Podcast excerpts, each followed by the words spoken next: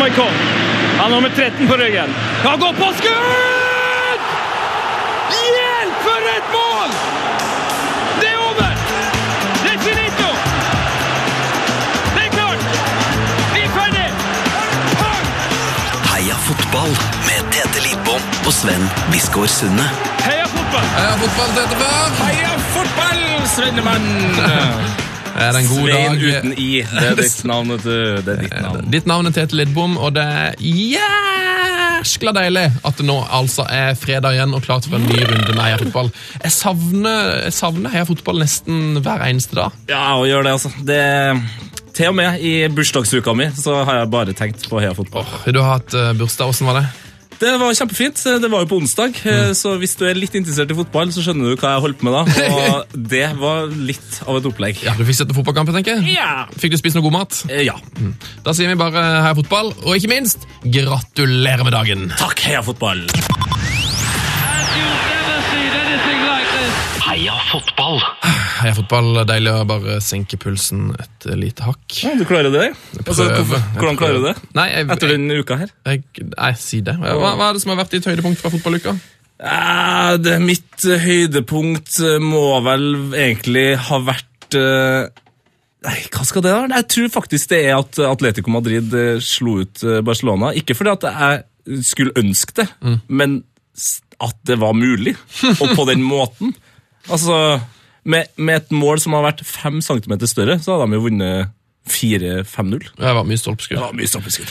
Eh, For min del så var det jo altså eh, United-kamp, som jo ikke, ikke så veldig overraskende ikke gikk veien, da, vet du. Jeg syns det var ganske bra. Ja, Det var veldig gøy når Evra skårte, men ellers så var det jo Ja, det var ikke så verst, men det Gikk 20 sekunder, så Kjedelig å være ute at eh, sesongen er over, men det som kanskje har vært um, på en måte det, rareste og faktisk det gøyeste som har skjedd fra fotballuka, for min del, det var at eh, jeg har en Twitter-konto som driver på å hangle litt, så den gjør litt sånne rare ting. Og det er, det er så merkelig, altså. Det er utrolig merkelig. Jeg lurer på om kanskje er det du som har gjort det. Jeg finner ut hva som har skjedd, men det som har skjedd Jeg, jeg våkna opp en morgen, så tror jeg bare jøss, nå har Twitter-kontoen min begynt å følge, følge ting igjen. Av og til så bare våkner jeg opp, så har han fulgt 300 folk. Oi! Eh, Det er, en, er det noe virus eller noe sånt. Men eh, på mandag kanskje, så hadde, hadde kontoen min fulgt én person. Kun én ny person i løpet av natta. En ny person. Okay, men, Vet, du- vet du hvem da? Nei, du har jo ikke fortalt meg. Migen Memelli. er ikke det rart? Det er jo helt... Jeg har begynt å følge den gamle, den gamle brannspritzen. Migen Memelli. Åh, ja, og Nei, jeg vet ikke hva jeg skal si. Det fordi Nei, det, det er noe av det rareste jeg har hørt.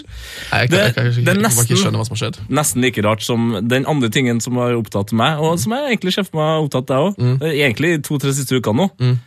Ronaldinho sin VM-låt. Åh, du, tenker på, du tenker på den, da? Heia fotball! Heia fotball!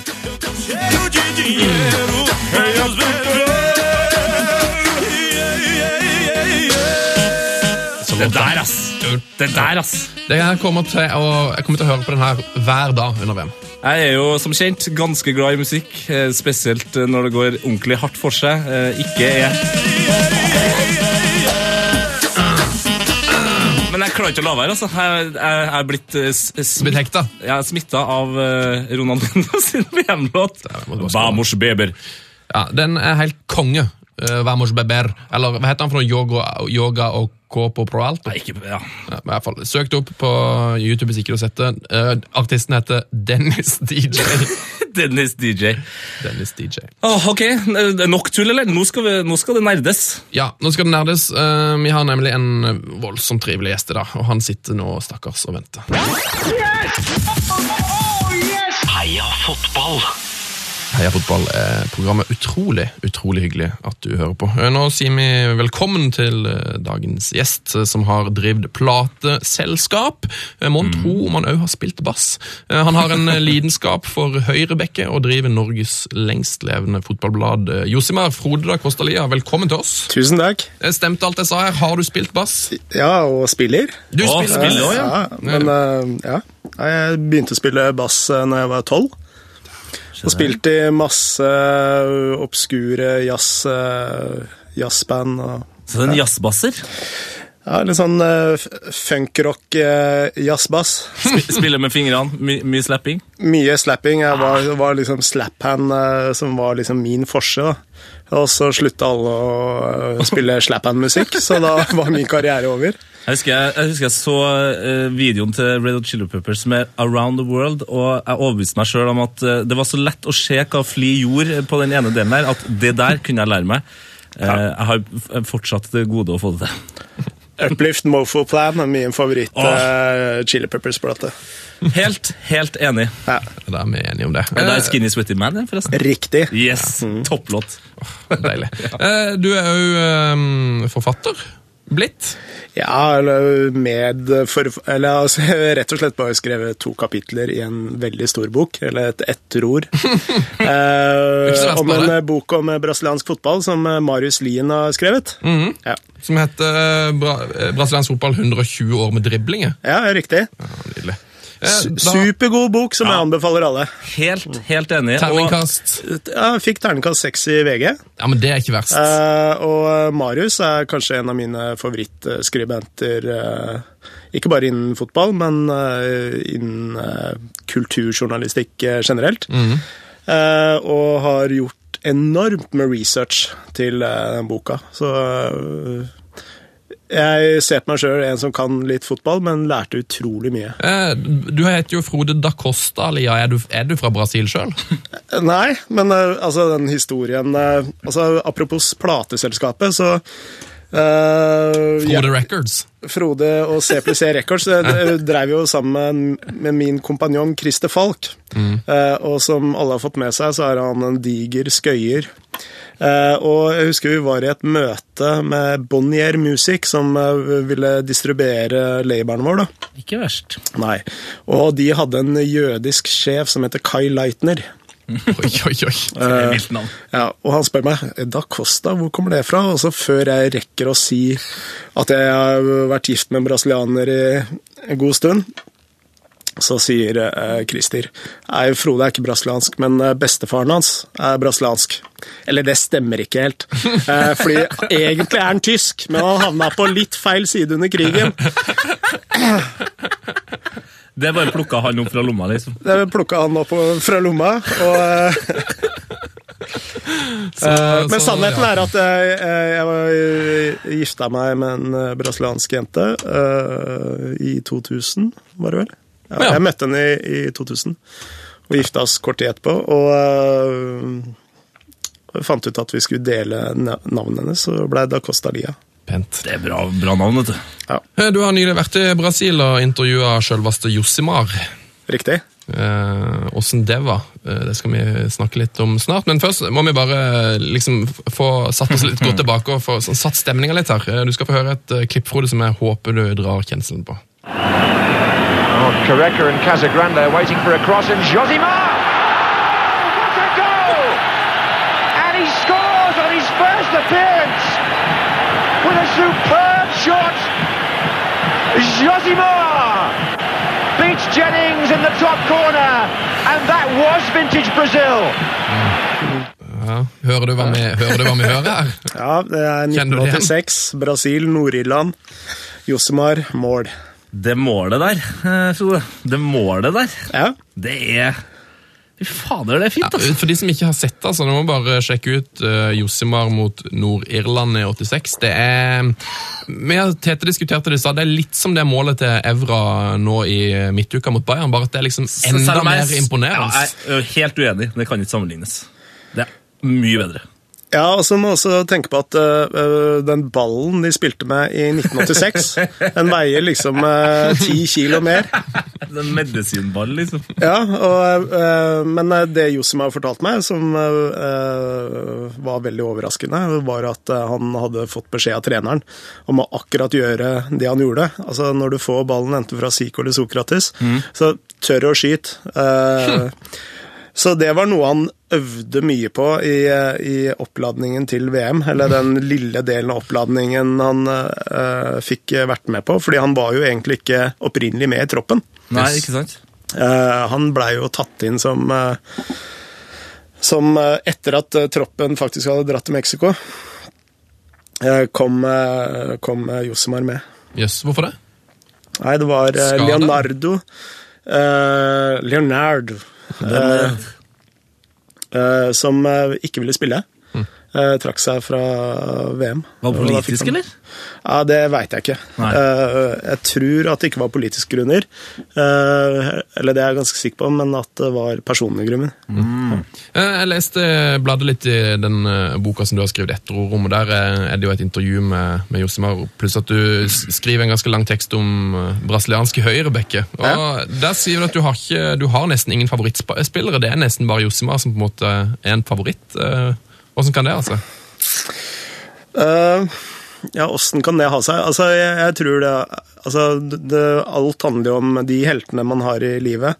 handler jo om når man blir Oppdager. oppdager ting og blir interessert i ting. Eh, og selv om jeg begynte å spille fotball for Lørenskog når jeg var seks-syv år, eh, så kan jeg ikke si at jeg ble ordentlig fotballinteressert før jeg var elleve år og så VM i, i 86. Så det var, det var da det begynte med, var med det målet. Ja, og så tror jeg også Panini var eh, eh, veldig viktig. Altså, det Ja, var klistremerkealbum. Klist, man. klistremerka. Det var liksom første VM jeg hadde full dekning. Mm. Uh, ja, nå lyver jeg litt, fordi jeg mangla to spillere. uh, Husker du hvilke da? Ja, det var keeperen til Sovjet, iallfall. Uh, Rinat Asayev. Uh, og så tror jeg det var eh, en belgisk eh, spiller eh, som uh, ja, Jeg husker ikke navnet på. Ikke god nok til å nevnes. Deilig. Eh, Nå, nå gleder jeg meg til å kjøpe med, må jo faktisk kjøpe med album, tror jeg, igjen til 2014. Det er noe helt utrolig fortsatt fascinerende Ja, jeg, har hatt, jeg har ikke hatt album på, på lenge. Eller, jeg hadde vel et album i 2006, men da fikk jeg liksom, gikk, gikk jeg litt lei halvveis. Men har du hatt Panini-album eller forskjellige sånn klistremerkealbum i alle VM, Frode? Nei, jeg hadde i 90, og så hadde jeg i 94. Ja. Eh, men i 94 merka jeg at uh, interessen dabba Interessen dabba i på 94. ja, Nei, ikke for fotball, nei, men eh, for, uh, For Panini. Eh, og det tror jeg også har sammenheng med at altså, moren min flytta til et helt for jævlig sted som heter Enebakk. Og der var folk liksom interessert i traktor og slå hverandre ned i helgene. og Nå er det Eh. ingen fra Enebakk til å forsvare seg her, jeg må bare nevne det som journalist. Eh, At de har ikke tilsvarsrett her, men eh, ja, du, Enebakk var ikke the de, er place to vant, be. de er vant til det her. vant til det her. En, Enebakke er vant til det her. Ja, altså det, øh, Interessene var veldig snevre, da. Ja. Eh, Ja, nei, så Panini tror jeg var utrolig viktig. Og når det kommer til Brasil, eh, så var det jo ikke sånn at jeg bare var interessert i, i, i eh, Brasil sitt lag. Det var veldig mange andre lag som jeg fikk sånn veldig forkjærlighet for. Eh, Frankrike, eksempel. Eh, og så og da står det jo med det dilemmaet, skal heie på Frankrike mot eh, eh, mot Brasil i en kvartfinale. Eh, så du, I løpet av den eh, kampen så liksom bytta jeg på å liksom heie på Frankrike, Brasil og ulike Tigana var jo en av mine favorittspillere på Frankrike, husker jeg. Uh, ja, Frankrike kom jo lengst. gjorde det. Gjorde det, altså. Ja, dette er- det husker jeg. Det eneste jeg husker fra 86, er at Maradona At jeg ble født? At Maradona vant. Maradona vant. Men eh, du har vært i, i Brasil og intervjua Josemar. Hvordan var det? Hvordan, hvordan er ståa i Brasil nå? Gleder de seg til, til VM der nede? Ja, altså Brasilianere er jo veldig spalta folk. Eh, det er veldig mange som er misfornøyd med uh, hvor dyrt det er, og korrupsjon og sånne ting. Men uh, samtidig så er jo brasilianere veldig glad i en fest. Eh, så de, altså de slites jo veldig av å være litt for og, være veldig mot. Eh, men eh, eh, de som er imot, er jo veldig imot. Hvorfor det? Eh, altså det for, for å si det eh, kanskje litt enkelt, så handler det om at eh, man blei lovet at dette skulle eh, koste fellesskapet 10 av den totale regninga, Ja. og de ender opp med å ta 90% av regninga. Eh, I tillegg så har eh, kostnadene eskalert eh, til det vanvittige. Jeg tror prislappen er nå på 85 milliarder. Altså det er, koster mer enn de to foregående VM-ene til sammen. Og så sitter sitter brasilianere igjen- med uten å ha ordentlig eh, helsetilbud, ikke ordentlig utdanningstilbud, eh, ikke ordentlig transporttilbud. Men eh, det er jo veldig innfløkt. Er mange, mange ting altså? så det er mange ting. ikke så lett Men, å forklare men, på ett minutt. Ikke så lett å forklare på ett minutt, men det er vel hoved, hovedskissene, da. Um, skal du til Brasil sjøl, eller skal du sofakikke? Nei, nå tror jeg akkurat det har blitt avgjort at eh, jeg blir eh, hjemme. Uh, Josemar skal ha en del eh, arrangement eh, eh, i Oslo, eh, på et utested som heter Pokalen. Pokalen? Pokal. Eh, rett og slett. Vi skal ha er quizer og litt foredrag og se litt eh, gamle fotballkamper. Og, så der er alle hjertelig velkommen. Den er grei! Heia fotball. Åh, nå eh, tenkte jeg egentlig vi skulle reise videre, men jeg har glemt å spørre deg, Frode, om du har spilt sjøl? Spilt fotball sjøl? Ja, jeg har spilt sjøl. Ja, hvor, hvor på banen spilte du? Eh, nei, jeg begynte som midtbanespiller. Ballfordeler? Ballfordeler. eh, og så ble jeg keeper. Nei! Det her er jo Hæ?! Tidenes nedtur, og jeg har prøvd å komme meg ut eh, Fra jeg var smågutt, eh, har jeg prøvd å, å eh, slippe å være keeper. Men det gikk aldri. Altså, Til alle dere keepere ute der, det er ikke det at det er noe galt i å være keeper, Jo. men den va Jo. Nei, nei. Men den vanlige reisen, sånn som min reise, det er at man starter som keeper, for at man kanskje starter for tidlig, så man egentlig ikke får lov til å spille utfor. Mm. Noen starter, må starte i mål, og så går man opp. Men å være ballfordeler på midten, og så bli keeper, Frode, det Men heldigvis, eh, nå spiller jeg jo på et eh, relativt dårlig bedriftslag. så, og der er jeg endelig blitt eh, ballfordeler. En slags eh, Pirlo uten teknikk. Ah! Men, men eh, du, du, du kjenner jo Christer Falk. Ja. Eh, Spiller han fotball? Nei. Fordi jeg ser for meg, Han er jo på en måte Medie-Norges PP.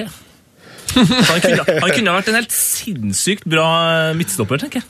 Jeg husker han eh, veldig var med på en sånn eh, kjendiskamp med Kjell Magne Bondevik og sånn. Eh, og det var relativt lavt nivå, men han skryter veldig av å ha stått i dusjen med Kjell Magne Bondevik. Ja, jeg ser for meg at Kjell Magne Bondevik, Bondevik er Mark Overmars uten fart. Ja, og apropos eh, fotball og Christer, vi drev et plateselskap, og vi avslutta vår, eh, vårt plateselskap med en dundrende hit med Lene Alexandra Øyen som heter My Boobs Are OK. Stemmer det? Nei, er Stemmer det dere ja, ja, ja, det var dem som gjorde det. Vi som lagde den. Den blei lagd på veldig kort tid. Eh, Jeg kødder du? Eh, og eh, måten eh, det skjedde på, var at eh, Lene Alexandra var med på en, eh, en sånn kjendisfotballkamp på Norway Cup. Eh, og hun fikk ballen i puppen.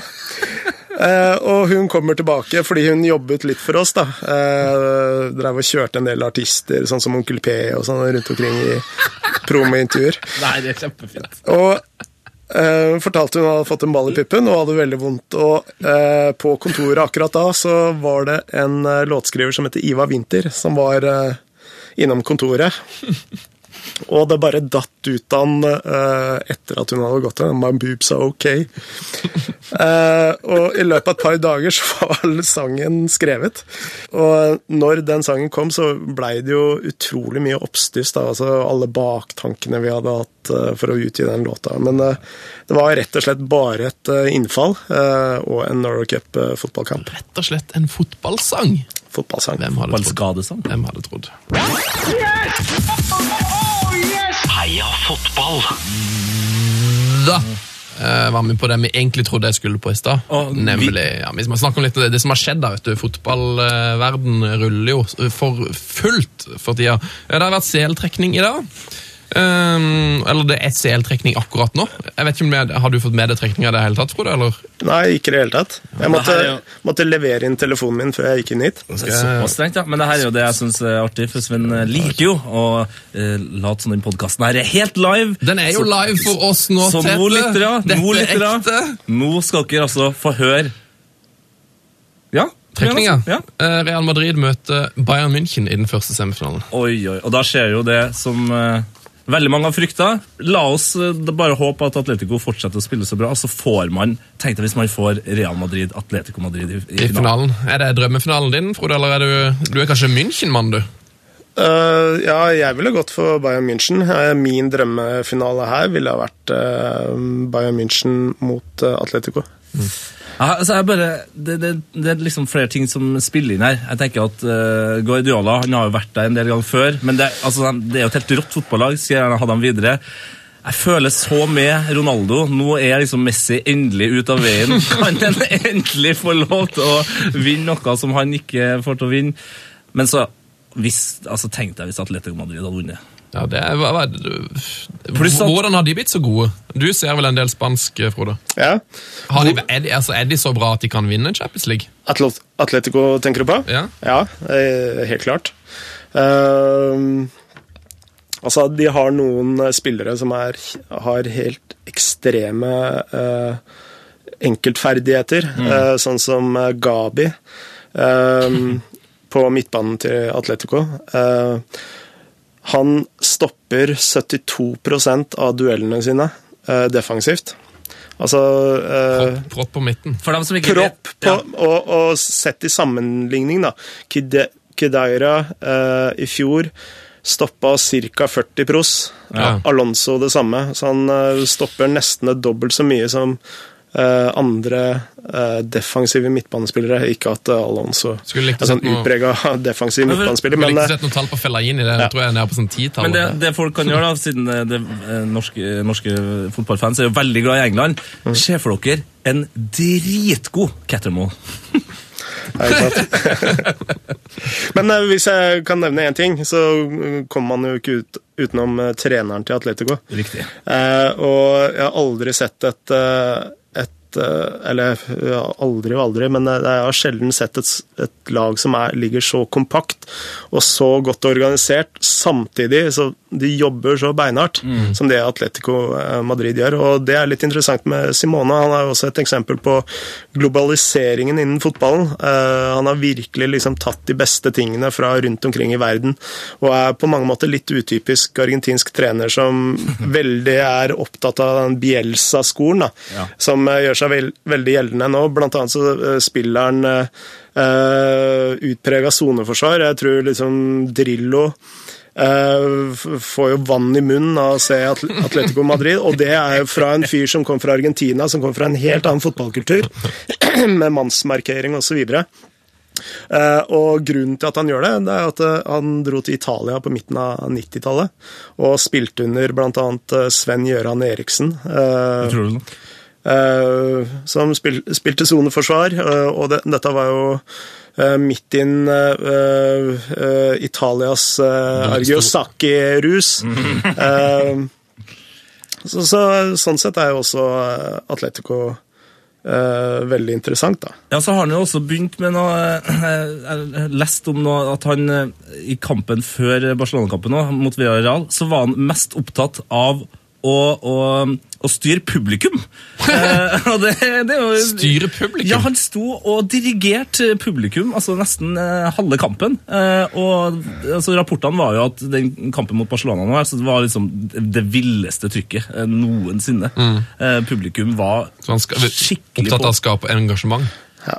Altså, Han eh, er jo veldig lik eh, Guardiola på ett punkt, og det er jo at han er jo helt altoppslukende i, i alt han gjør. Ja. Eh, han går jo inn med hud og hår. Eh, og han Altså, jeg kan ikke tenke meg at uh, han klarer å fortsette på samme måte i mange år til. Nei, for Før han, må, han forteller at han har et kvarter pause fra fotballen i uka, og det er på kampdag. Da tar han og ringer eh, barna sine eh, som fortsatt bor i Argentina, og det tar 15 minutter. Ja. Eh, eh, som en del av ritualet. Og det er de 15 minuttene i uka han føler seg helt fri.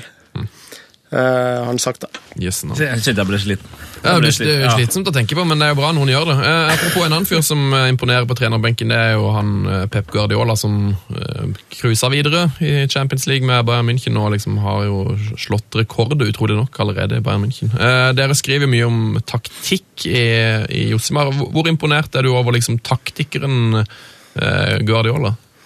Altså, eh, jeg tror Guardiola kommer til å bli beskrevet som eh, På samme måte som vi beskriver Cruyff og eh, Sakki og de gamle, eh, eldre Rinus Michels, eh, blant annet. Eh, om 10-20 år. Eh, han er kanskje den største treneren i vår tidsepoke. Hva, men hva er det han har gjort? Kan du forklare liksom, hva, Han har på en måte klart å fornye fotballtaktikk i 2008. liksom. Hvordan, hvordan går det an å finne på noe nytt da? Hva, hva er det han har gjort? Ja, altså øh, Det han rett og slett har gjort, det er jo at han har en solid utdannelse. At han har virkelig gått inn i veldig mange forskjellige fotballkulturer og tatt med seg mye av det beste fra rundt omkring i verden. Eksempel øh, så veit jeg han er veldig opptatt av sin Italia-periode. øh, hvor han har tatt med mye av den defensive organiseringen sin. Eh, Han dro på en studietur til Argentina, hvor han eh, bl.a. besøkte Bielsa. Eh, en av de tingene som Barcelona ble kanskje hylla mest for eh, når de var på sitt beste, var jo denne gjenvinningsfasen. Den derre femsekundersregelen som det har blitt eh, eh, skrevet mye om. Hva er det for noe? Det betyr at når Barcelona mister ballen, så har de fem sekunder på å vinne tilbake ballen. Og da nærmeste mann rett opp i press, og, så, og de presser gjerne med tre til fire spillere på én spiller. De bare ganger opp om den motspilleren som har ballen. Eh, Og dette har de jo jobba veldig mye på treninger. At eh, altså fem sekunder skal de ha, innen fem sekunder skal de ha tilbake ballen. Eh, og det er kanskje den enkelttingen i Barcelona som var mest imponerende. Uh, det var jo ikke det at de hadde ballen hele tida, men det var at uh, når de mista ballen, så fikk de ballen tilbake med en eneste gang. Ja, det er nydelig. Jeg har, jeg hørt at han har noe som han eh, som egentlig aldri har helt tenkt på at er selvfølgelig er noe som alle gjør, men at han har en sånn slags eh, filosofi som går på pasningskommunikasjon. At, de, Ja, det, her er, det her er så utrolig fascinerende. at de kommuniserer på en måte med hverandre i hvordan pasninga blir spilt. At Hvis du får ei hard pasning, så skal du vite at du er pressa. Hvis du får ei løs pasning, så har du god tid. og Hvis du får den i den retninga, så skal du spille, spille den veien og sånn. Uh, har du noe mer kjennskap til, til det der enn meg? Eh, altså, eh, Barcelona eh, Når de spilte med Barcelona B, eh, så var det jo også skrevet mye om eh, akkurat det. Eh, men eh, det tror jeg er litt løse rykter. Ok? Ja, for det er nesten for godt til å være sant. Eh, jeg, jeg har prøvd å sjekke litt rundt det, og ikke funnet noe eh, holdepunkt for det blant andre spillere eller sånt noe, så det, det skal overraske meg litt eh, at det stemmer. Så det er rett og slett bare en urban legend? Det tror jeg er en litt urban legend, men det han kanskje er mer opptatt av, det er jo rom. Eh, hvor man skaper rom eh, på banen. Eh, og man kommer jo ikke utenom to ting til, som det at han plutselig begynte å spille uten spiss. Ja. Eh, og da kom jo litt sånn taktikeren eh, til eh, Guardiola f- fram i full blomst, da. Eh, og da har han jo liksom sett at eh, den viktigste tingen i moderne fotball, eh, det er å ha overtall. Uh, og det er ikke vits i å, å kaste bort en uh, spiller i angrep, mener Guardiola, så lenge du ikke har overtalt på midtbanen. Uh, Og i det momentet eh, du setter ned eh, spissen din i midtbaneleddet, så er du ofte mot lag som spiller 4-4-2, så er du fire spillere mot to. Mm. Og kan ta med deg ballen videre til neste ledd ikke sant? og skape overtall der igjen. Eh, Og det er jo litt av det han har gjort i, i Bayern München igjen nå, ved å spille et eh, 4-1-4-1-system. Og det er jo å bare flytte det overtallet enda høyere opp på banen. Mm. så det er kanskje det som kjennetegner eh, Guardiola eh, eh, trenegjerning taktiks, eh, eller taktisk, da. Eh, det er jo den der overtallstenkningen eh, sin, hvor på banen han ønsker overtall. P3s Heia fotball med Tete Lidbom og Sven Biskår Sunde. Det er riktig. Du hører på Heia Fotball. Hvis du vil oss noe, så kan du sende oss en e-post. heiafotballkrøllalfa.nrk.no. Og denne uka her har vi fått så vanvittig mye e-post. Ja, det, Så en enorm tommel opp fra oss. Eh, I, i begynnelsen så hadde jeg en sånn filosofi på at vi må, vi må skal svare på alle e-post som kommer inn. Det har jeg slått litt fram. Det, ja, det Så, men veldig veldig hyggelig med folk som sender inn rekke, folk som sender inn video, som sender inn uh, historie. Fortsett med det. Uh, noe av det får vi brukt. Uh, ikke alt, men eh, bare si tusen takk for det. Tro, meg, jeg sitter og flirer mye på jobb eh, alene og kose meg Ja. med videoene. Eh, En ting som eh, jeg har fått eh, tips om, det er en kompis av meg som heter Frode, som sa at han hadde sett en video nå som han ble rørt til tårer.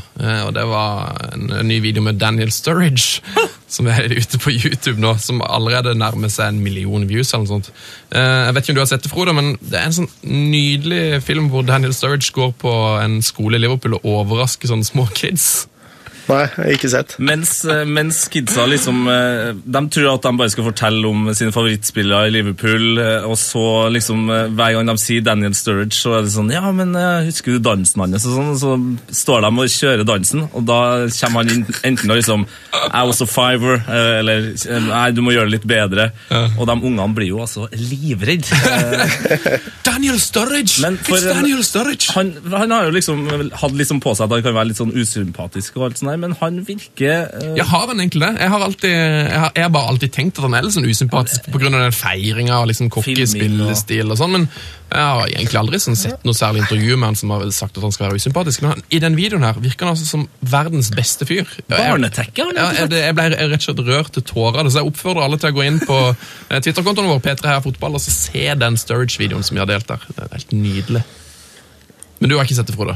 Jeg har ikke sett det, men, Men- samtidig, øh, jeg som har vokst opp med Schumacher, øh, så fins det jo ikke usympatiske spillere etter det. Ja, for det, Nå refererer du til en tysk fotballkeeper som var ganske brutal. Riktig? Var, var det Battiston het han som ble meia ned der? Ja. Ja, Kraniebrudd. Apropos YouTube, det er et YouTube å se opp for. Ja. Ja, det er jo det er jo faktisk eh, Det der tror jeg nesten ikke hadde vært lov i eh, UFC, I UFC. Det, det, nei, det er noe av det verste. har Eh. Har du noen sånne favorittspillere på samme måte som jeg har blitt veldig glad i Sturridge i dag? Har, har du noen sånne spillere som du syns er veldig sympatiske, eller som positive, kule folk? Ja, positive og kule folk, det har jeg vært Altså, det er eh, Mats Hansen på Mjøndalen. Eh, eh, han er utrolig Altså, jeg så et eh, sånn TV 2-program hvor eh, han eh, Christian Engseth og Mats Hansen besøker eh, tippeligaprofiler. Ja, det nye Ja, ja, ja. at han Jeg vet, Han heter ikke Engseth, han heter um, jeg vet han. Haugseth, kanskje? Hauge. Ah, Har ikke sett, har ikke hørt, To. Mjøndalen-spilleren. Ja, eh, Ja, men- Gauseth heter han. Gauseth, ja. Christian Gauseth. Uh, men uh, Mats Hansen, top lad. Top lad. Top lad. Hei, Mats Hansen. Hei, Mats. You rock. Men det er jo sånn, du er jo også glad i musikk, og når vi snakket med Asbjørn, så trakk han fram Roshiski, som har veldig god du- Er det noen andre fotballspillere som liksom skiller seg ut som musikkinteressert? Ja, altså øh, øh, Det åpenbare er jo Dan Eggen, som var jo fan av det bandet jeg spilte i. Riktig, se der, ja. Ja. Operasjon Dødsverk. Kjempebra, kjempebra bandnavn. Operasjon Dødsverk! Ja, og uh, dette er også en Christer Falk-historie, da. Men øh, en som heter Christer Hansen, som jobba for Christer øh, Falk øh, på Bennys bak Brygge, for dem som var innom den platebutikken der, øh, han var jo også bestekompis med Dan Eggen. Og de skulle kjøre sammen eh, eh, på en Operasjon Dødsverk-konsert i Lillestrøm. Og Christer sitter da i ba baksetet bak Dan Eggen og broren til Dan Eggen, og de hadde jo på den tida store afroer. Og som, ja, som Christer eh, ikke klarte å la være å kommentere. altså Stålhull, hva har du gjort med håret ditt? Og, og så videre og så videre. Og det hadde vært utrolig dårlig stemning i den bilen.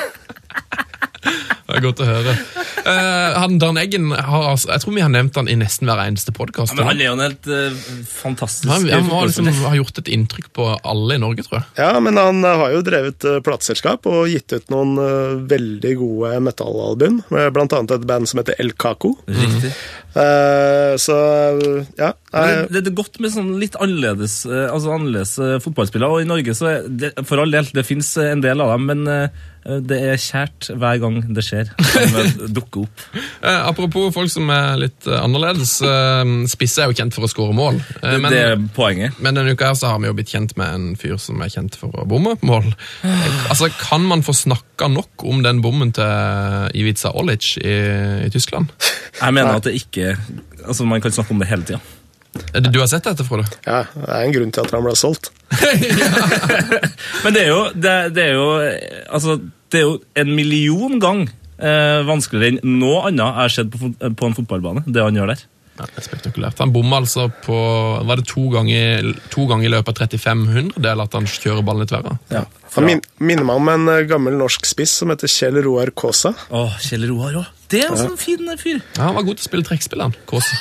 Ja, altså, jeg, jeg følte jo Vålinga veldig tett uh, på 90-tallet.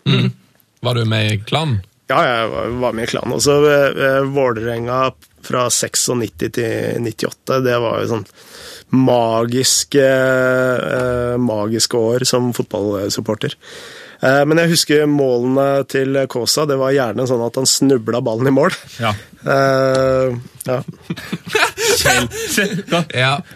Ja. det er bra liksom, altså, Målene til Kåsa, det var bare ja, Skåra han noen gang et ordentlig fint mål? Skårer ikke han en helt vill volley eller bass? Eller kanskje Jostein Flo, det? ja, han uh, skårte en del eh, viktige mål, bl.a. eh, i Tyrkia.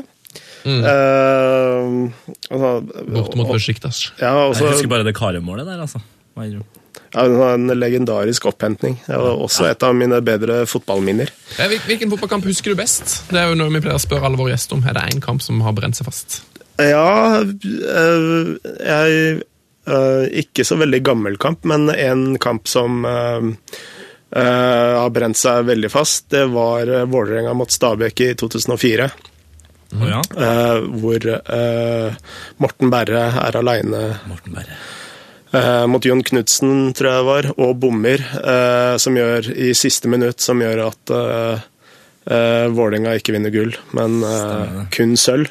Uh, og da husker jeg det var nesten, eller var vel fullt på Ullevål, Uh, så vi fikk liksom ikke stått på Vestbredden der jeg pleide å stå før, da, sammen med vennene mine. Så jeg satt ved siden av en vilt fremmed mann. Og jeg merka jeg begynte å grine. Og han ved siden av meg begynte å grine, og vi holdt rundt hverandre. Eh, og vi, jeg syns det var utrolig flaut òg. Altså, veldig mange miksa følelser. Uh, Ja, det er bare å få det ut. eh, tja, den kampen husker jeg veldig godt. Så, også Morten Berre av alle, som Om han kanskje ikke akkurat eh, da var det, så har han jo blitt en av eh, norsk fotballs absolutt største yndlinger. Ja. Han blir jo òg nevnt her hver eneste sending. Ja, men eh, hvorfor skal vi ikke snakke om Morten Berre? Men, Men, hvis, men jeg, en kamp jeg også husker veldig godt, det var når jeg spilte for Enebakk. Eh, Enebakk mot Kløfta. ja, du, du sto i mål?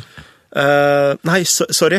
Vi spilte mot Ullkisa. Uh, Enebakk mot Ullkisa. Eh, jeg var vel eh, 14-15 år. Eh, og eh, Vivian, som jeg var dypt forelska i, sto på sidelinja. Og, og skulle se meg spille fotball. Og jeg hadde aldri vært forelska før og uh, hatt uh, noen å, å se på meg spille fotball samtidig. På en grusbane ute i Kirkebygda ute i Enebakk. Uh, og mamma kom for å se på meg òg.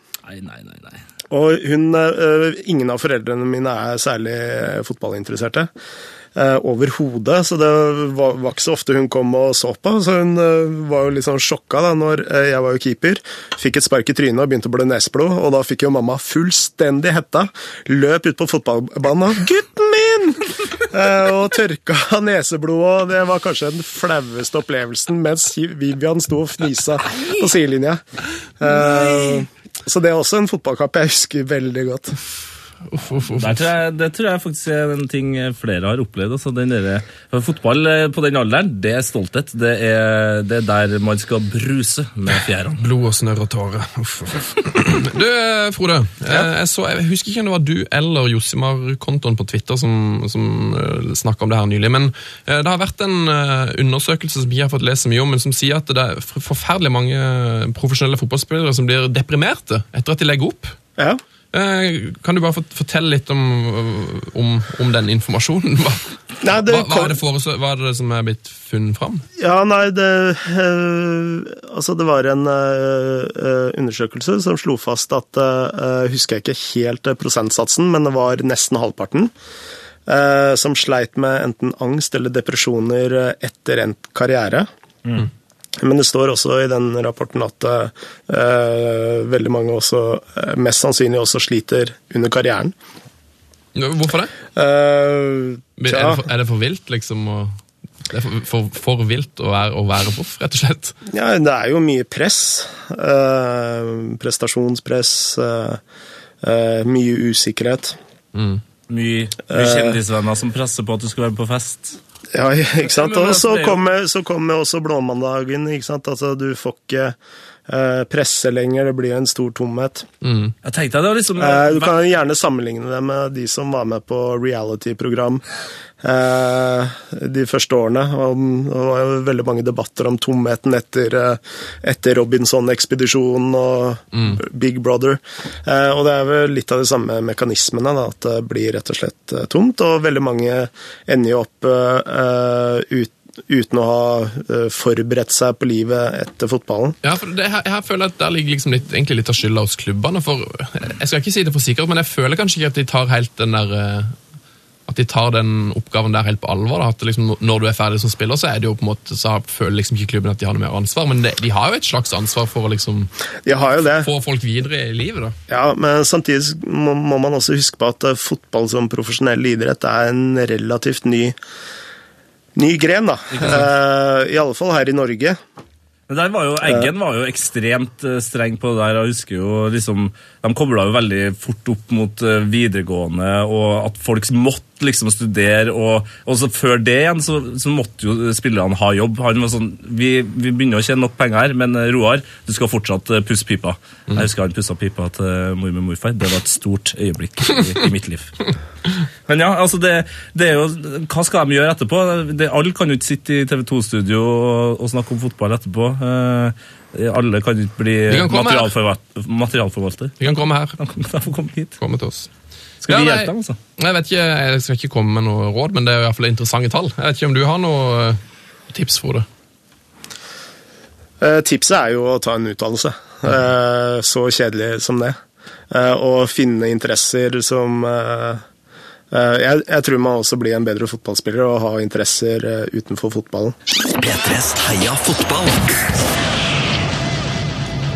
Yes, da er det vel egentlig Jeg vet ikke om det er noe mer som må være med fra uka som gikk. Ellers så går vi mot quiz. Nei, altså vi, vi trenger jo ikke å snakke om at uh, Brasil ikke får lov til å ha ak akrobatisk sex, for eksempel. Nei. Eh, det er jo Trenger vi ikke snakke om. Skal vi snakke litt om uh, reising?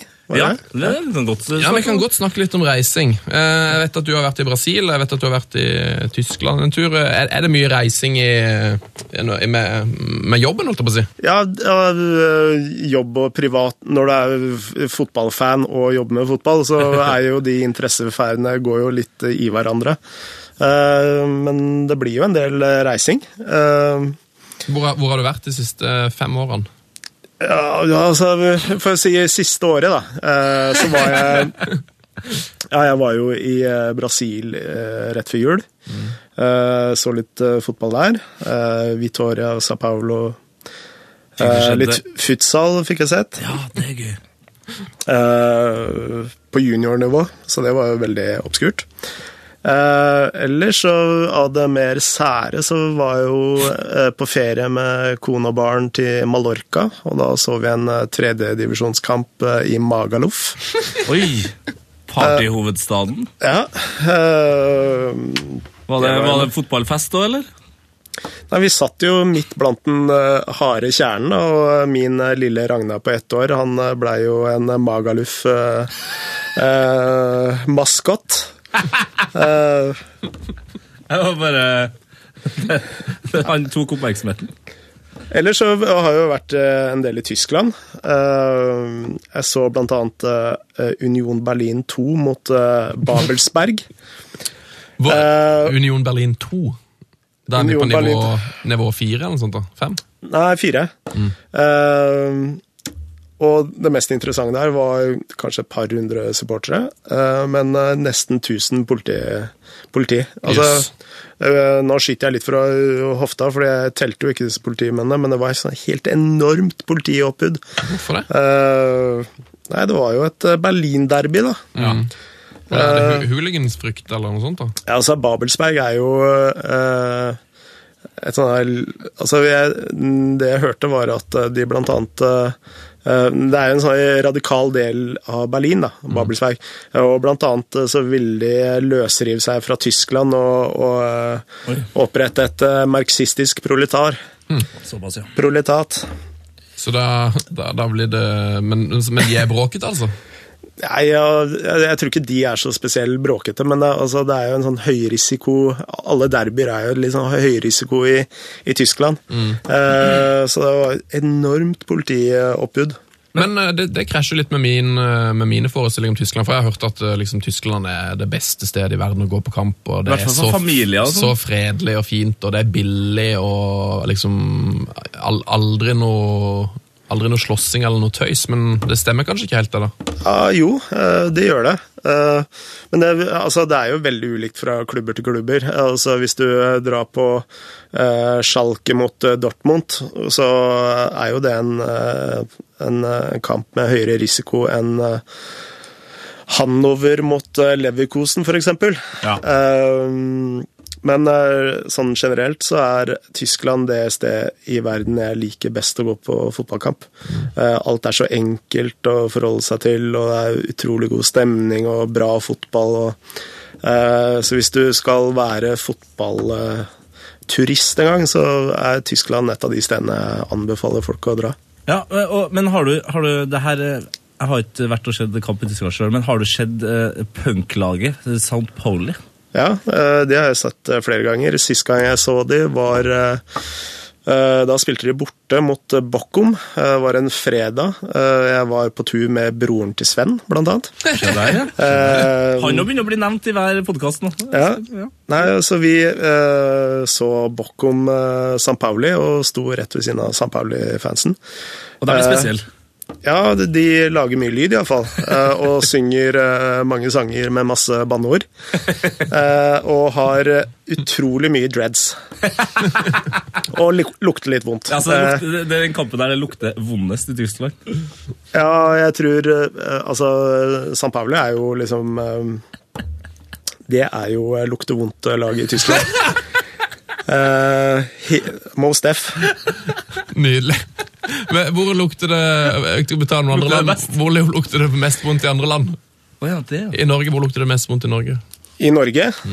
Uff, å, det var dårlig gjort å spørre om. Ja, Da spør vi om Brasil, da. Eh, altså, i, I Brasil så er det veldig enkelt. ja. Altså, eh, du har to eh, lag som er på en måte folkets lag. Da. Du er eh, Flamengo i Rio, og så har du Corinthians i Sao Paulo. Eh, og det er liksom The Povos eh, eh, sine lag, da. Og det er folk som bor i slummene og The Pose. Povos. Povos. Hva, betyr, hva betyr det? Uh, Folk fra Faveland, eller? nei, altså folket, på en måte. Povos ja. Eh, Havos. Pose er litt dårlig. er litt dårlig. Eh, så, så der, der lukter det Stramt. litt strammere enn en, enn, snittet. Ja. Da går vi til quiz. P3s Heia fotball. Og her lukter det kjempegodt. Her lukter det helt nydelig. Her lukter det quiz. Um, du skal få lov til å bryne deg på forrige ukes quiz, eh, du òg, Frode. Ja, det er dårlig gjort. Jeg er så dårlig på quiz. Du er jo, altså, Alle som er innom her, sier at de er dårlige på quiz. eh, og vi har altså hatt besøk av mange av de mest kunnskapsrike fotballfolkene i hele Norge. Det, du har en, eh, jeg, jeg ser for meg at du har en stor og fin hjerne, men eh, quiz er noe helt annet. Det er en sport. Dere har jo en veldig fin quiz i Jossema, forresten. Er det du som lager den, eller? Nei, ikke jeg som lager den, og jeg, klar, jeg er kanskje den som får flest score på den. Jeg tar jo quizen hver gang. Ja. Uh, For mest score? Nei, minst. Ja, minst, ja. Ja, ja. Altså, jeg var i quiz med Drillo nå forrige uke. Jeg hadde et lite seminar eh, For TV2? for TV 2. Ja, vi- Eh, og da ble det delt inn i fire-fem lag. Eh, og mitt eh, lag eh, tapte med bravur. nå, skal, nå skal det sies at halvparten av spørsmålene eh, dreide seg om eh, Norges landslag i 94 og 98, så Drillo hadde, et, han hadde litt å gå på. ja. litt å gå på. Eh, hvem var du var på lag med? Petter Myhre, Solveig Gulbrandsen. Og, og Drillo. Drillo var med Asbjørn Myhre og eh, en eh, ja, Noen andre. Noen altså, andre. Altså, Drillo var tydeligvis stjerna her. Det, Drillo og Davy Vatne? De hadde jo fått med seg eh, det meste. Om 20 år, eh, Frode, så er du den eh, Jeg tror, jeg tror Asbjørn Myhre kan litt fotball. Ikke tvil om det. Eh, Du skal iallfall høre for få prøven, eh, Frode. Det er lov å si pass hvis du har lyst til det. Men forrige ukes rekke den skal fylles ut. eh, Og forrige ukes rekke det var Les Ferdinand, Alan Shearer, Aberfemme Martins, Andy Carroll og altså en rekke navn her. Les Ferdinand, Shearer, Martins og Carroll. Og så skal man ha inn et navn etter her. Ok, da snakker vi om noen Newcastle-greier, da. Ja, da. Det stemmer, vet du. Jeg liker det. Noterer Så fikk litt sånn der uh, Skulle hatt musikken fra Kvitt eller dom. Ja, det Nei, nå Men- ikke Men den, der spisser, jeg. Ja, det, ja. Uh, og da snakker vi om spisser på vei ut. Shearer har aldri vært på vei ut, så det kan det ikke være. Eh, Nei, det er vrient, vet du. ja, det er litt vrient. Det, de, men det er mange som har klart det, det tar jo, men de har jo hatt ei uke på det her, da. Eh, Og sikkert diskutert masse og googla og stått på. Men det har noe med Det har ikke jeg fått. Jeg fikk det nå. Du fikk kommet- det rett i trynet. Du har kommet langt på kort tid. Men eh, jeg skal si så mye det har noe med draktnummer å gjøre. De har hatt den samme. Ti. Nummer ni. Alle, Ni, ni, ja. alle sammen har vært nummer ni i eh, Newcastle. Les Ferdinand var det først, så kjøpte de Scherer. Martin setter der. Carol en kort periode, og så Hvem har nummer ni nå? Det er vel det som er spørsmålet her. Hvem har nummer ni nå, ja? Eh, faen, Ja, skal Der sa du det nesten. Psh, psh, psh, psh. Å du- å ja, du ja, Jo, ja, ja. Oh, ja! Kusj-kusj-kusj. Psh, psh. Papish, chiché. Ah, Papish, synes jeg- skisje. Papish, Volley- skisje. Volleymann, som jeg bare liker å kalle Ja, den er god av og til. Ikke så veldig god sånn egentlig, men veldig god på volley. Eh, skal vi ta- Veldig god start. Ja. Du, eh, Frode, det var et eh, bra forsøk. Det var eh, dårlig gjort av oss å ikke eh, gi deg rekka litt før, så du kunne få tenkt litt på det. det skal jeg notere ned? Det må vi begynne å gjøre. Vi begynner å gjøre til alle gjestene. Men eh, trekk en vinner av konkurransen. Nå merker jeg jeg ble svett. Ja, det er bra. Bra du får te- kjørt deg litt. Da skal vi trekke en vinner. En vinner av en eh, fin T-skjorte. Der gikk Der. Skal vi se. Det var eh, utrolig mange som har svart. Eh, ny rekord. Ja, ny rekord. Eh, Kjempehyggelig. Ja, veldig mange som har svart riktig. Eh, og her er det en eh, kar som skriver 'Hallaisen, kara'. Svaret er nummer ni. Papis Demba Cissé. Henrik Takle Eide. Rått. Er det han som bor i eh, Singapore? Han bor i Singapore. Så rått! Det er jo helt fantastisk. Fantastisk. Vi har lyttere i Singapore, Frode. Tenk på det. Det er helt utrolig. Har du vært i Singapore og sett fotball? Aldri. Hvem lukter verst Nei, det var Eh, Men det var veldig hyggelig. Henrik eh, får en T-skjorte i posten, han. Eh, Og så må vi si det Jeg merker det når jeg har, jeg har sagt det motsatte før, men sett gjerne på adresse og hvilken T-skjortestørrelse du vil ha. Så sli- slipper vi å, Så slipp jeg. Slipp vi å maile Så fram og tilbake. jeg. Ja, ja. Så er det jeg som slipper. Hvis du vil være med i neste ukes konkurranse, så er det e-posten vår heiafotballkrøllalfa.nrk.no som gjelder. Eh, Du skal få høre den òg, Frode. Den er sånn som den er. Fullfør denne rekken. Hamburg Arena. Dublin Arena. Arena National Bucurest. Amsterdam Arena. Og hmm. Ja, hva kan dette være? Hamburg Arena, Dublin Arena, Arena National Bucurest, Amsterdam Arena og Der har de eh, nå tygg på en ukes tid. Tenk på den, du! P3s Heia fotball med Tete Lidbom og Sven Biskår Sunde. Det var konkurransen. Nå skal vi videre til en eh, ny spalte som heter VM-laget. Uh, og da, Frode, nå skal du få lov til å skinne litt igjen etter at jeg fikk deg til å svette den er i søla. med quizen. Eh, du har med, tatt med deg et eh, VM-lag til oss. Ja, altså, Sven, nå må du nesten innrømme at eh, du sendte meg en melding ti minutter før jeg skulle inn i studio her, Ja. om jeg kunne ta med et VM-lag. Og nok igjen prøver å sette meg i en eh, dårlig situasjon her. Eh, du forteller at alle gjestene dine har fått utdelt quizen én uke i forveien. Jeg tar masse, Men, eh, tar men, masse eh, kritikk. Men eh, herregud, dette skal jeg ta på strak arm. Ja, jeg, er ikke redd for, å- jeg er ikke redd for å ta kritikk. Jeg vet okay. at jeg har stort forbedringspotensial. Men, eh, jeg, jeg håper du har klart å stable på, på beina et lag. Jeg har jo ikke rukket å, å tenke på det, nei, men vi tar det nå på sparket. Ja, Så bra. Ja. Eh, hvilken formasjon har du valgt? Velger du, vel Ja, det må jeg jo velge nå, da. Ja. Uh, mm.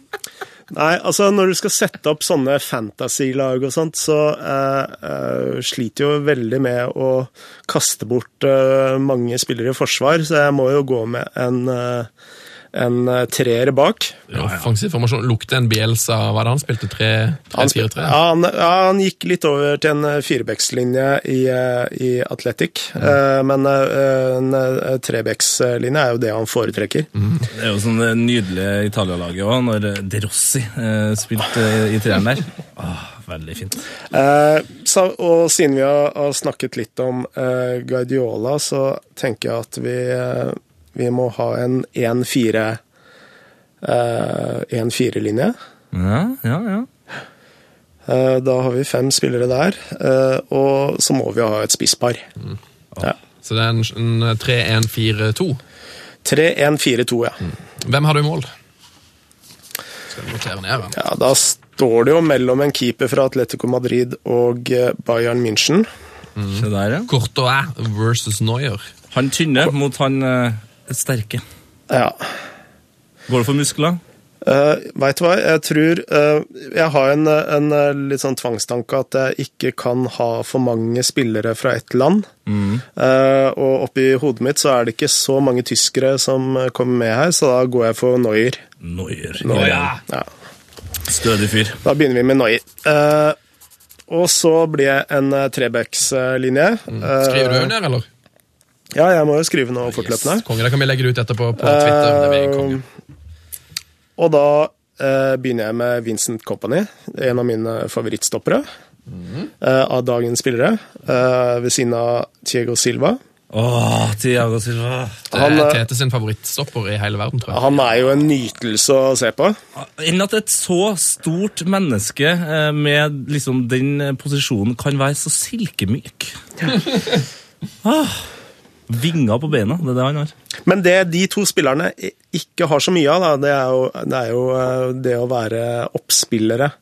Eh, og da kjører jeg inn eh, Piquet. Oi, oi, oi. Ja. Eh, jeg veit dette blir, er veldig upopulært, men vi kjører Piquet. Jeg syns det er topp. Han er jo tidligere United-spiller, til og med. Det er trekker jo opp, selv om han hater, hater United. Og dette vil jeg vel kalle en ganske ordinær bekke. eh. Ikke ordinær eh, som i at den er gjennomsnittlig, men at eh, den eh, sa litt seg selv. Litt sånn mye, mye trumf, En, trumfkort. det er noen som ville ha kalt det for å parkere en viss buss. Ja, altså. Når du har de tre stopperne, da kan du tillate deg med litt mer offensive fibre lengre fram på banen. Og det er det man vil ha. Ja. Og så da går vi til den uh, dypeste midtbanespilleren. Eh, og eh, det man har sett eh, nå de siste årene, er at man har gått fra en sånn makalele-type, et sånn rivjern, til mer eh, elegante, uh, pasningssterke midtbanespillere.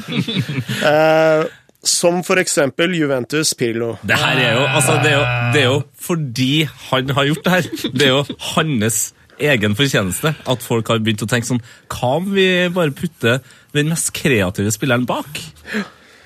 Det- Men det er jo flere lag eh, som har begynt å gjøre det samme. Liverpool f.eks. ved å putte Gerrard lenger bak. Og Nå er ikke han en sånn Men vet du, hva, vet du hva det minner meg veldig om? Eh, Og det, sånn som det i hvert fall fungerer i Juventus, og til dels gjorde i Milan når han spilte, det, liksom, det blir som at han, de blir eh, en quarterback. Eh, Ja. de, for de blir beskytta av spillerne foran. Eh, og det er egentlig Football-aktig. Ja, og det, det så du jo i Italia når han la de pasningene til, til Balotelli, f.eks. Han hadde så god tid, mye hans egen skyld, men også fordi at de foran ham jobba steinhardt med å gi ham rom. Nå klarte du faktisk å snakke om Pirlo uten å begynne å grine. Eh, Det er jo Åh, ganske første gangen på to fantastisk. uker, faktisk. Tete har et Pirlo-problem, skjønner du, Frode. Så han begynner ofte å grine når han snakker om Pirlo. Da, apropos eh, favorittspillere, så er vel Pirlo min favorittspiller Nå? av da, nå, ja. Eh, det vil jeg si. Ja, han er høyt oppe, altså. Så Men- han bak der, ja. Ja, han er bak der, ja. Og nå begynner vi å eksperimentere litt på, på midtbanen. Ja, det gikk veldig, altså. Men eh, da går vi til Shakhtar Duansk og eh, eh, Brasil.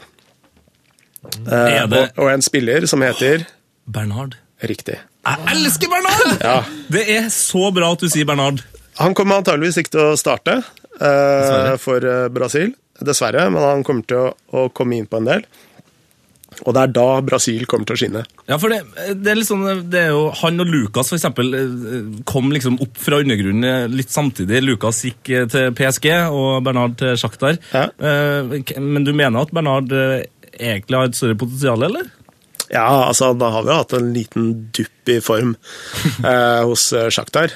Det vil jeg si. Men eh, jeg tror han kommer til å skinne i VM. Ja, det, det, jeg, liker, jeg liker valget. Og han er en sånn type spiller eh, brasilianere også kommer til å elske. Ja. Eh, Han har spilt med Ronaldinho, hvis jeg ikke tar helt feil. ja, i Mineiro. Ja, Og da, da, da, blir, det jo, da, da blir det jo god. På den andre midtbaneplassen, der finner vi Eh, tja uh, For det er mye sentralt nå, ikke sant? Nå Nei, han er, setter vi ut på kanten. Ja, ingen, ja. Eh, og så nå går vi inn eh, sentralt, ja. Eh, og da går vi til Bosnia og Roma, og da tenker jeg på Hams, ham, nei, ikke Hamsik, selvfølgelig. Du skal til Roma. Eh, Det er jo i, i Pjanic? Pjanic. ja. Du går for eh, en ut, utrolig lav midtbane. Ja. Lav og tynn midtbane. Den, ja, det er ikke veldig mye muskler her, men herregud, nå må du stille med tre midt, midtstoppere. Så, eh, så dette her dreier seg bare om å sørge for å ha ballen hele tida. Ellers så kommer, kommer dette til å gå rett vest. Miralem Pjanic. Ja, ja, Når ja. du sa Roma, så bare så tenker bare hjernen min på Totti. Er sånn, det sånn jeg tenker, Det er bare Totti som kommer opp, så det tok litt tid. Men Miralem Pjanic er notert. Ja, Fantastisk eh, spiller. Og så kommer det til den spilleren jeg tror kommer til å bli litt sånn it-spilleren eh, i VM. Åh, spennende. Eh, han spiller for Colombia og FC Porto. De hadde en dårlig dag på jobben i går. Rodriguez. Eh, nei, Hva heter han? Er Quintero. Hæ? Juan Fernando Quintero. Quintero, ja. Han har ikke jeg så mye peiling på av det colombianske laget. Ja, men det, colombianske laget er jo kjempespennende, men Quintero, ja, forklar litt hvorfor. Han eh, tror jeg altså Han eh, kommer til å være sånn nest siste på ballen eh, på de skåringene uh, Colombia kommer til å ha, tror jeg. Til Martinez Eh, og Curado. Riktig. Og kanskje Falcao, hvis han eh, rekker det. Ja, forhåpentligvis. Ja. Eh, en eh, veldig sånn eh, god nummer eh, God ballfordeler eh, høyt opp på banen. Og Og ung. Og så er han ung. Ja, født i Eh, 93, kan jeg lese på Wikipedia. Ja. Født i Medellin. Medin. Det er rått. Det. Eh, så skal vi se, da har vi en høyre Ja, da må vi opp på venstresida. Herregud. Ja, det blir vanskelig her nå. Eh, tja, tja, tja. Da tror jeg jeg går for Belgia. Ja, da, Kommer Hazard. Ja, da kommer Hazard. Han, han må jo med. ja han er, Eh. han, han er ganske god. Han er ganske god. Eh, Og jeg tror, jeg tror også han er, han er, han er bedre Jeg tror nok han nesten kommer til å være bedre i VM enn i Premier League, fordi han kan ofte han kommer til å få litt mer rom. Ja, ikke sant? Han kan av og til slite litt med at det, det, det er så mye mas i Premier League. Men der i VM Og så har han Mourinho, så du må jobbe hjem Ja, ja, og ja, så Bare tull. Nå kan han bare stå i VM, Eh. så kan han sitte sammen med Aksel Witzel, som eh, tar, tar på seg den oppgaven, og bare være helt tulling. Ja, spisspar. Hvem er det du har valgt der? Ja, Nå har vi jo eh, eksperimentert litt på midtbanen, så da må vi jo kjøre litt mer ordinært. Men eh, på spissplass eh, Men de to spissene eh, jeg kommer til å nevne, er jo så mye bedre enn alle andre. Så de må på en måte med. Og når du setter opp et sånt lag, så eh, er det ikke lov å ha med Messi og Ronaldo. Altså, for det blir bare sånne feige lag. Ja, ikke sant? Det er, det er faktisk helt Ja, sant. altså, det blir for kjedelig. For kjedelig radio. Eh, og jeg lurer på om det kommer til å havne i en annen regel som Heia Fotball har her, men eh, ja, Ja, bare kom med spissbare. Ja, altså, da begynner jeg med uh, Suárez. Svel! Ja, det, Han er jo egentlig eh, Tete er fra Ghana, vet du, så han har jo egentlig Han er- Han har lagt ned eh, Suárez-forbud på våre lag, da. Men jeg backer det. ja, han er en fantastisk fotballspiller. Og Aguero. Aguero, Aguero. Hvem eh, skårer mest mål av de to i, i VM, sånn på de ordentlige lagene sine? Ja, det blir jo Aguero. Det blir Aguero. Ja, helt klart. Altså, eh, Uruguay tror jeg kommer til å ha et uh, halvskuffende eh, VM. Ja, for bakover der har ikke, det har ikke blitt noe friskere siden sist. Nei, det er litt sånn gammelt og trått noe over Uruguay i år. Det er fælt å si det, men det er jo, er jo det. Og for Lan er vel kanskje ikke kjempe i kjempeform eh, lenger, eller? Nei, han tror jeg ikke kommer til å starte heller. Jeg vet ikke hvor han er engang. Jeg ikke sett han på, Spiller i Brasil, tror ikke jeg. sett på evighet. Nei, Argentina. Jeg vet ikke. Jeg vet ikke. Jeg må ærlig innrømme det. Du, eh, Frode, det var knall. Det var laget ditt ute. Ja, Eh, du har skrevet den òg. Hvis du er helt rå, så hiver du det ut på Twitter, og så skal vi få, for, veldig bra at folk driver på å legge ut sine egne lag for tida. Ja, det setter vi pris på. Og det er mye gøye varianter. Nå skal vi til en fast spalte.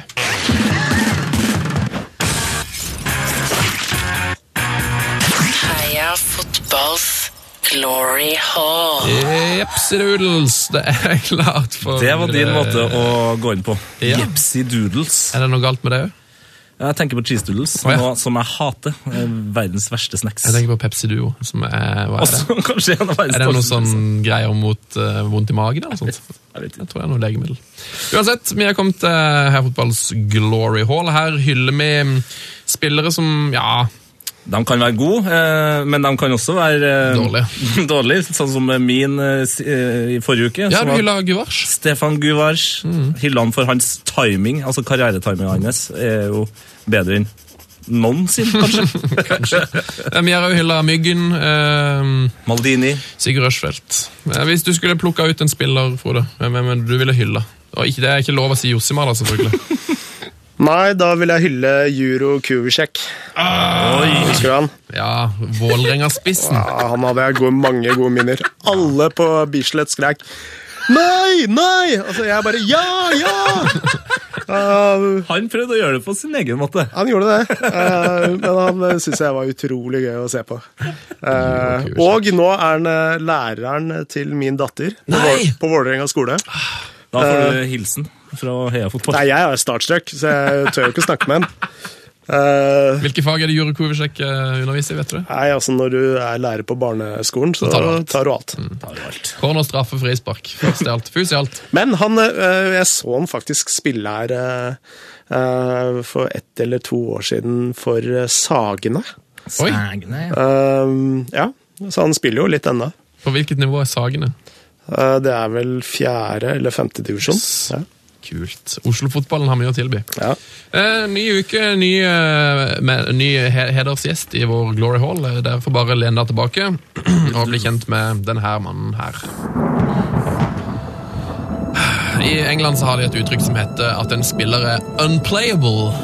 Eh, Brukes som spillere som er så gode at det ikke går an å forsvare seg mot det, rett og slett. Spillere som er så fantastiske at det ikke går an å eh, ja, Det fins ingen medisin mot det, rett og slett. Ronaldinho, Messi, fenomenet Ronaldo, Zlatan, CR7 Sånne folk er unplayable også dagens helt. da. Det er ikke mange spillere som er så gode at de får denne merkelappen unplayable, men dagens helt har det i aller høyeste grad vært eh, snakk om at har vært unplayable. Han var det dessverre i en altfor kort periode. Dagens helt var så god at man ikke visste hvordan man skulle stoppe han i 2004 og 2005. I 2004 så skåret han 14 mål for Internasjonale Milan før jul! 14 mål! 14 mål før jul! før jul. Han skårte altså 14 mål på under en halv sesong i Serie A. Eh, Sommeren etterpå så var han turneringens store spiller i prøve-VM i Tyskland. Han skåra et mål mot Hellas i den turneringen. som aldri bør bli glemt. Et mål jeg har lyst til å ramme inn og henge på stua. Et helt avsindig skudd fra 30 meter. Og Han står altså da skrått ut fra hjørnet på 16-meteren, helt bom stille mot Hellas, som aldri slapp inn mål, og bare hamra ballen opp i keeperhjørnet. Skuddet var så hardt at keeper antageligvis ikke hadde klart å redde det om han så hadde bodd oppi det hjørnet der. Eh, Et skudd så perfekt at det aldri må glemmes. Dessverre er det nok mange som allerede har glemt dagens helt. Ikke jeg! For, for selv om han muligens var verdens beste spiss i 2004 og rekkekamerat med selveste Ronaldo i VM i 2006, er det nesten ingen som har sett han spille fotball siden 2008. Nå driver han bare og drikker på Copacabana! Det er sant! Han er bare 32 år eh, og er mannen som har en av de mest eh, ja, tristeste brasilianske bortskuslingshistoriene om talent. Adriano Leite Ribeiro. 25 år gammel så var han helt ustoppelig, men så traff han veggen. Nå går han rundt og drikker og spiller for en hel haug med ganske elendige klubber. Han har tilbrukt mer tid på nattklubb enn på treningsfeltet i det siste. Eh, det er rett og slett slutt. Men nå skårte han et mål denne uka her, så det tente en liten gniste med. Jeg håper at vi får se et siste lite rykk over stjernehimmelen fra den gode gamle sirkushesten Adriano. Dæven. Han spilleren, ikke bare var han unplayable eh, i, i den sesongen, eh, men han var jo, eh, når vi spilte eh, Pro Evolution Soccer på den tida, så var det faktisk ikke lov til å være Adriano, for han kunne skåre fra hvor som helst på banen. Apropos eh, en playball playable, eh, kan jeg skyte inn noe? Ja, Ja, ja. visst. Har dere hørt om Kevin Beatty? Kevin Ja, Beatty. ja, jeg har sett han eh, Nei, Kevin Beatty. Jeg tenkte på James Beatty. Ja. Kevin Beatty. Nei, nei, nei. Kevin, Kevin Beatty uh, spilte på uh, Ipswich under Bobby Robson. Ja, ditt favorittlag Ipswich. Ja, ja. Bobby Robson uh, mente at hun skulle ramse opp de tre beste spillerne han noensinne hadde trent. Så på tredjeplass var det Romario. På andreplass uh, Ronaldo.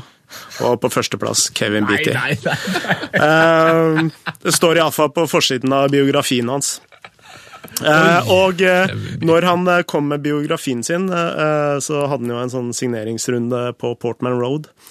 Uh, og jeg kasta meg på første flyet uh, over til England uh, for å stå i kø for å få biografien signert. Og plutselig er det min tur, og Kevin sier Where you from, son? Og jeg litt halvnervøs, eh, eh, litt for mye øl dagen før. Jeg sier I'm from Norway, and you are huge in Norway! Eh, og da svarer Kevin at eh, ah, jeg har bodd i Norge i tre år, jeg merket ingenting.